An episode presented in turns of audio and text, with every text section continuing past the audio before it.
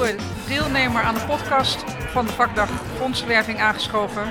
En dat is een bijzondere dame uit Sneek, Sharon Kayadin, die samen met haar man Paul Struik een eigen stichting heeft opgericht.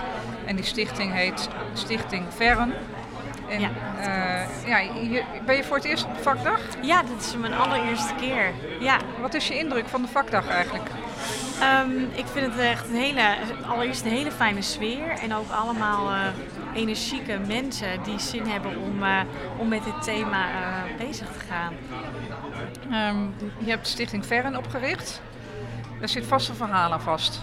Ja, klopt. Ehm, wij hebben stichting vernoemd eh, naar onze zoon, Ferren. Eh Ferren is op 5 november 2013 is hij stilgeboren. Ehm, na een voldragen zwangerschap. Fern eh, overleed heel onverwachts. En op het moment eh, dat je je kindje verliest, dan eh, word je eigenlijk heel verscheurd door eh, heel veel emoties. Aan Ja. de ene kant ben je heel trots en heel dankbaar dat je moeder bent geworden. Want dat ben je wel. Je bent ouders geworden van een kindje. Ehm, en je bent blij dat je dat kindje, hè, dat wij ver mochten omarmen. En aan de andere kant was er gewoon zo'n immens groot verdriet. Omdat hij niet meer ademde en hij bewoog niet meer. En ehm, dan word je in één keer in zo'n korte periode staat je wereld op zijn kop. Maar je, wordt wel, je moet daar doorheen. En je moet in die week ook echt na gaan denken over, over het afscheid. En hoe je zo goed mogelijk herinneringen wil bewaren van je kindje. En eh, daar komt heel wat op je af Ja. na zo'n verlies. Ja. ja, dat is ook wel een schokkende gebeurtenis. Klopt. Hè, als je het kind Ja. negen maanden gedragen hebt. Ja. Ehm, kan je nog iets over die week beschrijven? Want dat is ook de inspiratiebron om die stichting verder in te Ja, richten. ja, Wat klopt. maakte je mee in die week? Nou, op het moment dat, eh, dat ik hoorde dat hij overleden was, dat zijn hartje was geklopt met stoppen, toen hield ik mijn buik vast en toen dacht ik, goh, alles wat ik vanaf nu met jou mee ga maken, dat is mijn herinnering. En wij waren toen 26 en ik had zoiets van, we moeten nog een leven lang zonder jou. Dus hoe ga ik deze week zo, zo inrichten voor mezelf en voor ons, dat wij jou altijd op die liefdevolle manier weer mee kunnen dragen. En ehm, ik heb toen ook echt mijn laptop erbij gepakt en begreep, ja, hoe, wat kunnen we allemaal doen en wat zijn de mogelijkheden. En toen keek ik naar, want we hadden hem heel mooi opgebaard bij ons eh, in de box thuis. Ehm, en ik keek naar hem en dacht van, ik moet helemaal niks opzoeken. Ik moet jou vasthouden en ik moet echt jou knuffelen en jou armen en kusjes geven. Want dit is de tijd die we nog met elkaar hebben. Ja. En ik wil alles wat ik van jou zie en wat ik aan je nog aan kan raken, dat wil ik gewoon zo goed in me opnemen dat ik dat nooit weer vergeet. En we hebben dus heel bewust afscheid van hem genomen. We hebben ook echt zelf eh, de uitvaart georganiseerd. En daar kijk ik ook met heel veel, eh, Ja. met heel veel dankbaarheid naar terug dat, dat wij dat konden doen in die week. Maar na het afscheid realiseerde ik me ook dat er een hele grote leegte was. Want ehm, hè, er, er is helemaal niks meer letterlijk. En je komt thuis in een stil huis en een stil kamertje en alles ligt gewoon al klaar lag al klaar voor hem. Het is gewoon eigenlijk een soort museum waar je dan eh, weer in terecht komt. Ja. En ehm, ik kwam met lotgenoten in contact, met heel veel lotgenoten. En het viel mij heel erg op dat, ehm, dat er niet per se een taboe rust op eh, babyverlies, op kindverlies. Maar dat het nog steeds niet eh, een onderwerp is waar mensen heel gemakkelijk over praten. En dat zag je ook bij de zorgverleners, bij, bij de professionals die ons hielpen tijdens die week. En toen ik de statistieken erbij ging zoeken van het CBS en Perinet, toen dacht ik, goh, hoe, vaak zal dit nou gebeuren? En tot mijn eh, verbazing was het vier keer per dag gemiddeld in Nederland. En ik was eigenlijk wel een beetje gechoqueerd. En te meer omdat er zoveel eh, eh, babyverlies is. Plus het feit dat ik vond dat er in mijn situatie niet heel veel nazorg was. Ja. En toen dacht ik, ik kan mijn ogen hier niet voor sluiten. Ik dacht, wij moeten hier iets mee. Ehm, maar- en ik voelde ook meteen wel de urge om hier iets mee gaan doen. En mijn man Paul vroeg me van, goh, wat vind je ervan als wij dit samen gaan oppakken? Want uiteindelijk moet je dan ook je eigen verhaal... eh, Ja. Nou ja, aan, aan, aan de rest van de wereld, met de rest van de wereld delen. En het is iets heel intiems.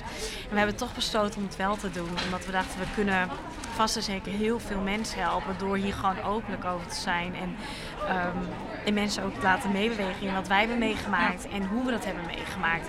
Maar ook dat als je je kindje verliest, ehm, dat je wel bewust bent van wat je meemaakt. Zodat je ook bewust uh, beslissingen kunt maken of juist je hart kunt volgen bij bepaalde beslissingen. En ik vond het heel belangrijk dat ouders, ehm, ondanks zo'n groot verlies, dat ze wel weten dat ze wel weer in hun kracht terug kunnen komen. En dat een kindje niet is geweest. Fern is niet tijdelijk in ons leven geweest om alleen maar groot verdriet achter te laten. Maar hij heeft zoveel meer achtergelaten dan dat korte stukje dat hij heel eventjes bij ons was. En uh, toen is eigenlijk het idee voor Stichting uh, Fern geboren. En hebben wij een jaar na zijn overlijden hebben wij uh, Stichting Fern opgericht. Uh, met als doel ouders en betrokkenen te helpen en te ondersteunen. En maar vooral ook in beweging te brengen. En dat doen wij onder andere door het aanbieden van de Fair Memory Box.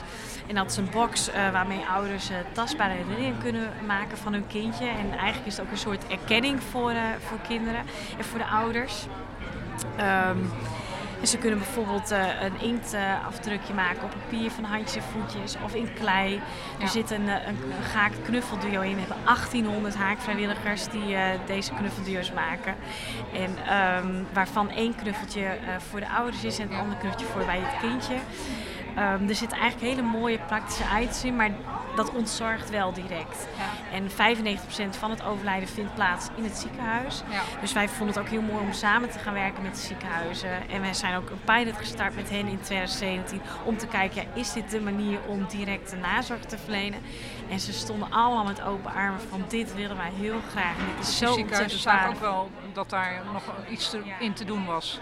Ja, ja, die vonden het allemaal heel waardevol om... Uh, om aan, dit, aan een stukje sociale geboorte, hè, de erkenning daarvan, dat dat heel belangrijk is. Ja, ja. ja. Ik kan me ook voorstellen dat de omgeving uh, het lastig vindt om hiermee om te gaan. Ja, klopt. Ja, vooral, um, hè, want wat moet je zeggen tegen ouders die net hun kindje zijn ja. verloren?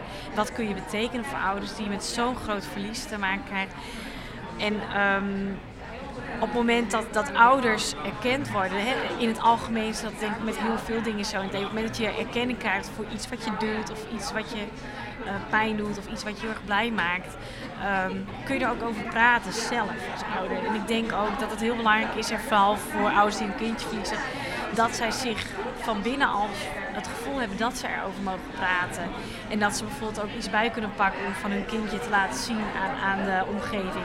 Van kijk, dit, dit, dit is mijn kindje. Of kijk, dit is een afdrukje. Of kijk, dit hebben wij meegemaakt. Nou, je, je, maakte dat grote verlies mee. In die ene week is eigenlijk dus heel, heel erg bepalend geweest. Ook voor de oprichting van de stichting. Je hebt daar een, een box uit ontwikkeld, vertel je. Je bent samen gaan werken met ziekenhuizen. Maar daar heb je ook geld nodig. Absoluut, ja. Dus laten we het even over het ja. zakelijke deel hebben. Ja, wij zijn um, inderdaad, uh, wij zijn gestart met de stichting en met de Fair Memory Box. En dat is natuurlijk ontzettend tastbaar. Dat is gewoon een product die wij kosteloos beschikbaar stellen voor ouders. Dus daar moet gewoon uh, financiële middelen hebben, hebben we gewoon altijd nodig om de box uh, te kunnen organiseren. Ja. En kennisdeling uiteraard. En andere doelen die we natuurlijk ook hebben. Um, we zijn gestart met, uh, met, met, met ons eigen netwerk. Van goh, we gaan een stichting oprichten, wil je ons helpen?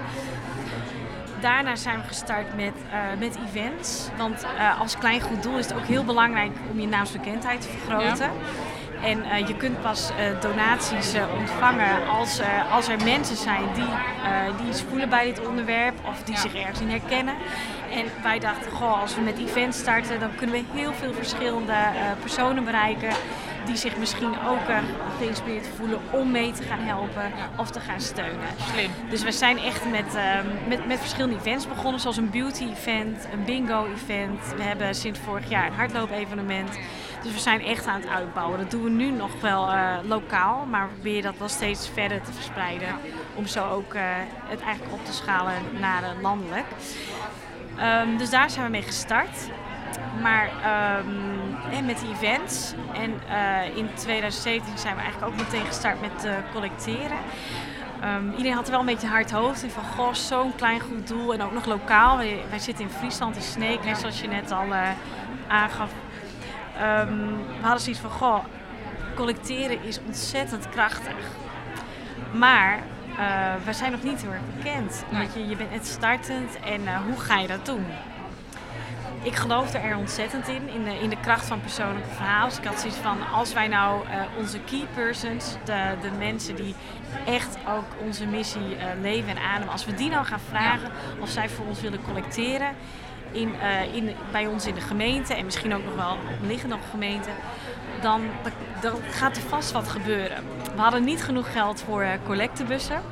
Maar uh, daar hadden we een andere oplossing voor. We hadden een, soort collectemap. Oh ja. En daar hadden we mooie krantartikelen in en uh, iets over de stichting. En daarmee zijn eigenlijk, uh, nou ik denk een stuk of dertig vrijwilligers zijn op pad gegaan met die collectemap. En die hebben aan de deur het verhaal verteld over Stichting Fern en gevraagd om ja. donatie.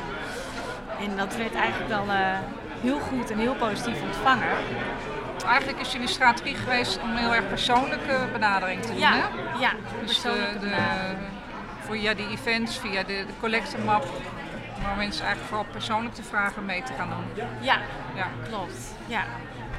En wat is nou het meest succesvol? Of is het de combinatie van die... Uh... Nou, het is, ook, ja, het is een combinatie. Ik denk ook dat... Uh, dat het ook wel een groeicombinatie is. Want het liefst wilden we natuurlijk wel met, uh, met groene bussen beginnen het eerste jaar. En ook meteen met online collecteren. Maar dat was niet mogelijk. Dus we hadden echt zoiets van we gaan groeien naar iets wat we, waarvan wij denken dat dat gewoon de, een hele goede, sterke combinatie is voor ons. Dus we zijn echt in het eerste jaar gestart met, met de mappen. In het tweede jaar hebben we de groene bussen aangeschaft. En sinds vorig jaar zijn we ook gestart met online collecteren oh ja. via DigiCollect. En daar uh, was ik vandaag ook uh, bij voor de presentatie. Um, dus wij hebben nu eigenlijk zeg maar het offline het online collecteren hebben we nu gecombineerd. Ja. En je merkt gewoon dat het ontzettend uh, krachtig is. Want je hebt altijd uh, een bepaald type mensen die liever aan de deur uh, ja. willen geven. Of een bepaald type vrijwilliger die alleen aan de deur, bij de deur langs En je hebt ook mensen die het heel fijn vinden om online te collecteren. Want daardoor zijn we niet beperkt tot een locatie. Ja. We kunnen veel meer mensen bereiken. En we kunnen eigenlijk ongelimiteerd kunnen wij collectebussen aanmaken. En um, ze waren eigenlijk heel erg blij dat wij die, dat wij die combinatie konden vinden vorig jaar. Hey, en wat is nou jouw ambitie? Over tien jaar, vijf jaar? Je droom? Met de stichting. Ja. Wij hopen over vijf jaar dat, uh, dat we alle ziekenhuizen in Nederland uh, kunnen helpen. En dat alle ouders in Nederland in ieder geval uh, kosteloos de Fair Memory Box kunnen ontvangen. We hopen dan nog meer aan kennisdeling te doen op het gebied van nazorg. Dus dat we ook iets meer op de, protocollen kunnen gaan zitten. We hopen ook mensen te gaan verbinden, zorgverleners, zorgprofessionals, professionals met lotgenoten. En ja, we hopen ook dat, uh, dat het niet tot Nederland beperkt blijft. Want er zijn genoeg mensen, uh, ongeacht locatie, die, die deze vorm van hulp kunnen gebruiken. Nou, voor de luisteraars, jullie kunnen het niet zien, maar ik zie hier een sprankelende dame naast me. Die met enorm veel passie werkt aan een, heel bijzonder doel. Um, en ik vind het ook knap dat je vanuit je eigen verdriet weer toch iets heel nieuws creëert. Waarbij je dienstbaar bent aan andere mensen die hetzelfde overkomt. Dus de, ik vind het een heel mooi voorbeeld van hoe fondsenwerving ook uit de inhoud ontstaat. Eh, vanuit uit wat nodig is voor de mensen die dit meemaken en hoe je daar weer verder stappen in kunt zetten. Dus ik zou het heel leuk vinden als je over vijf jaar weer een keer aanschuift om te vertellen waar je dan staat. Dat doen we. Oké, okay. ja. dankjewel. Dankjewel.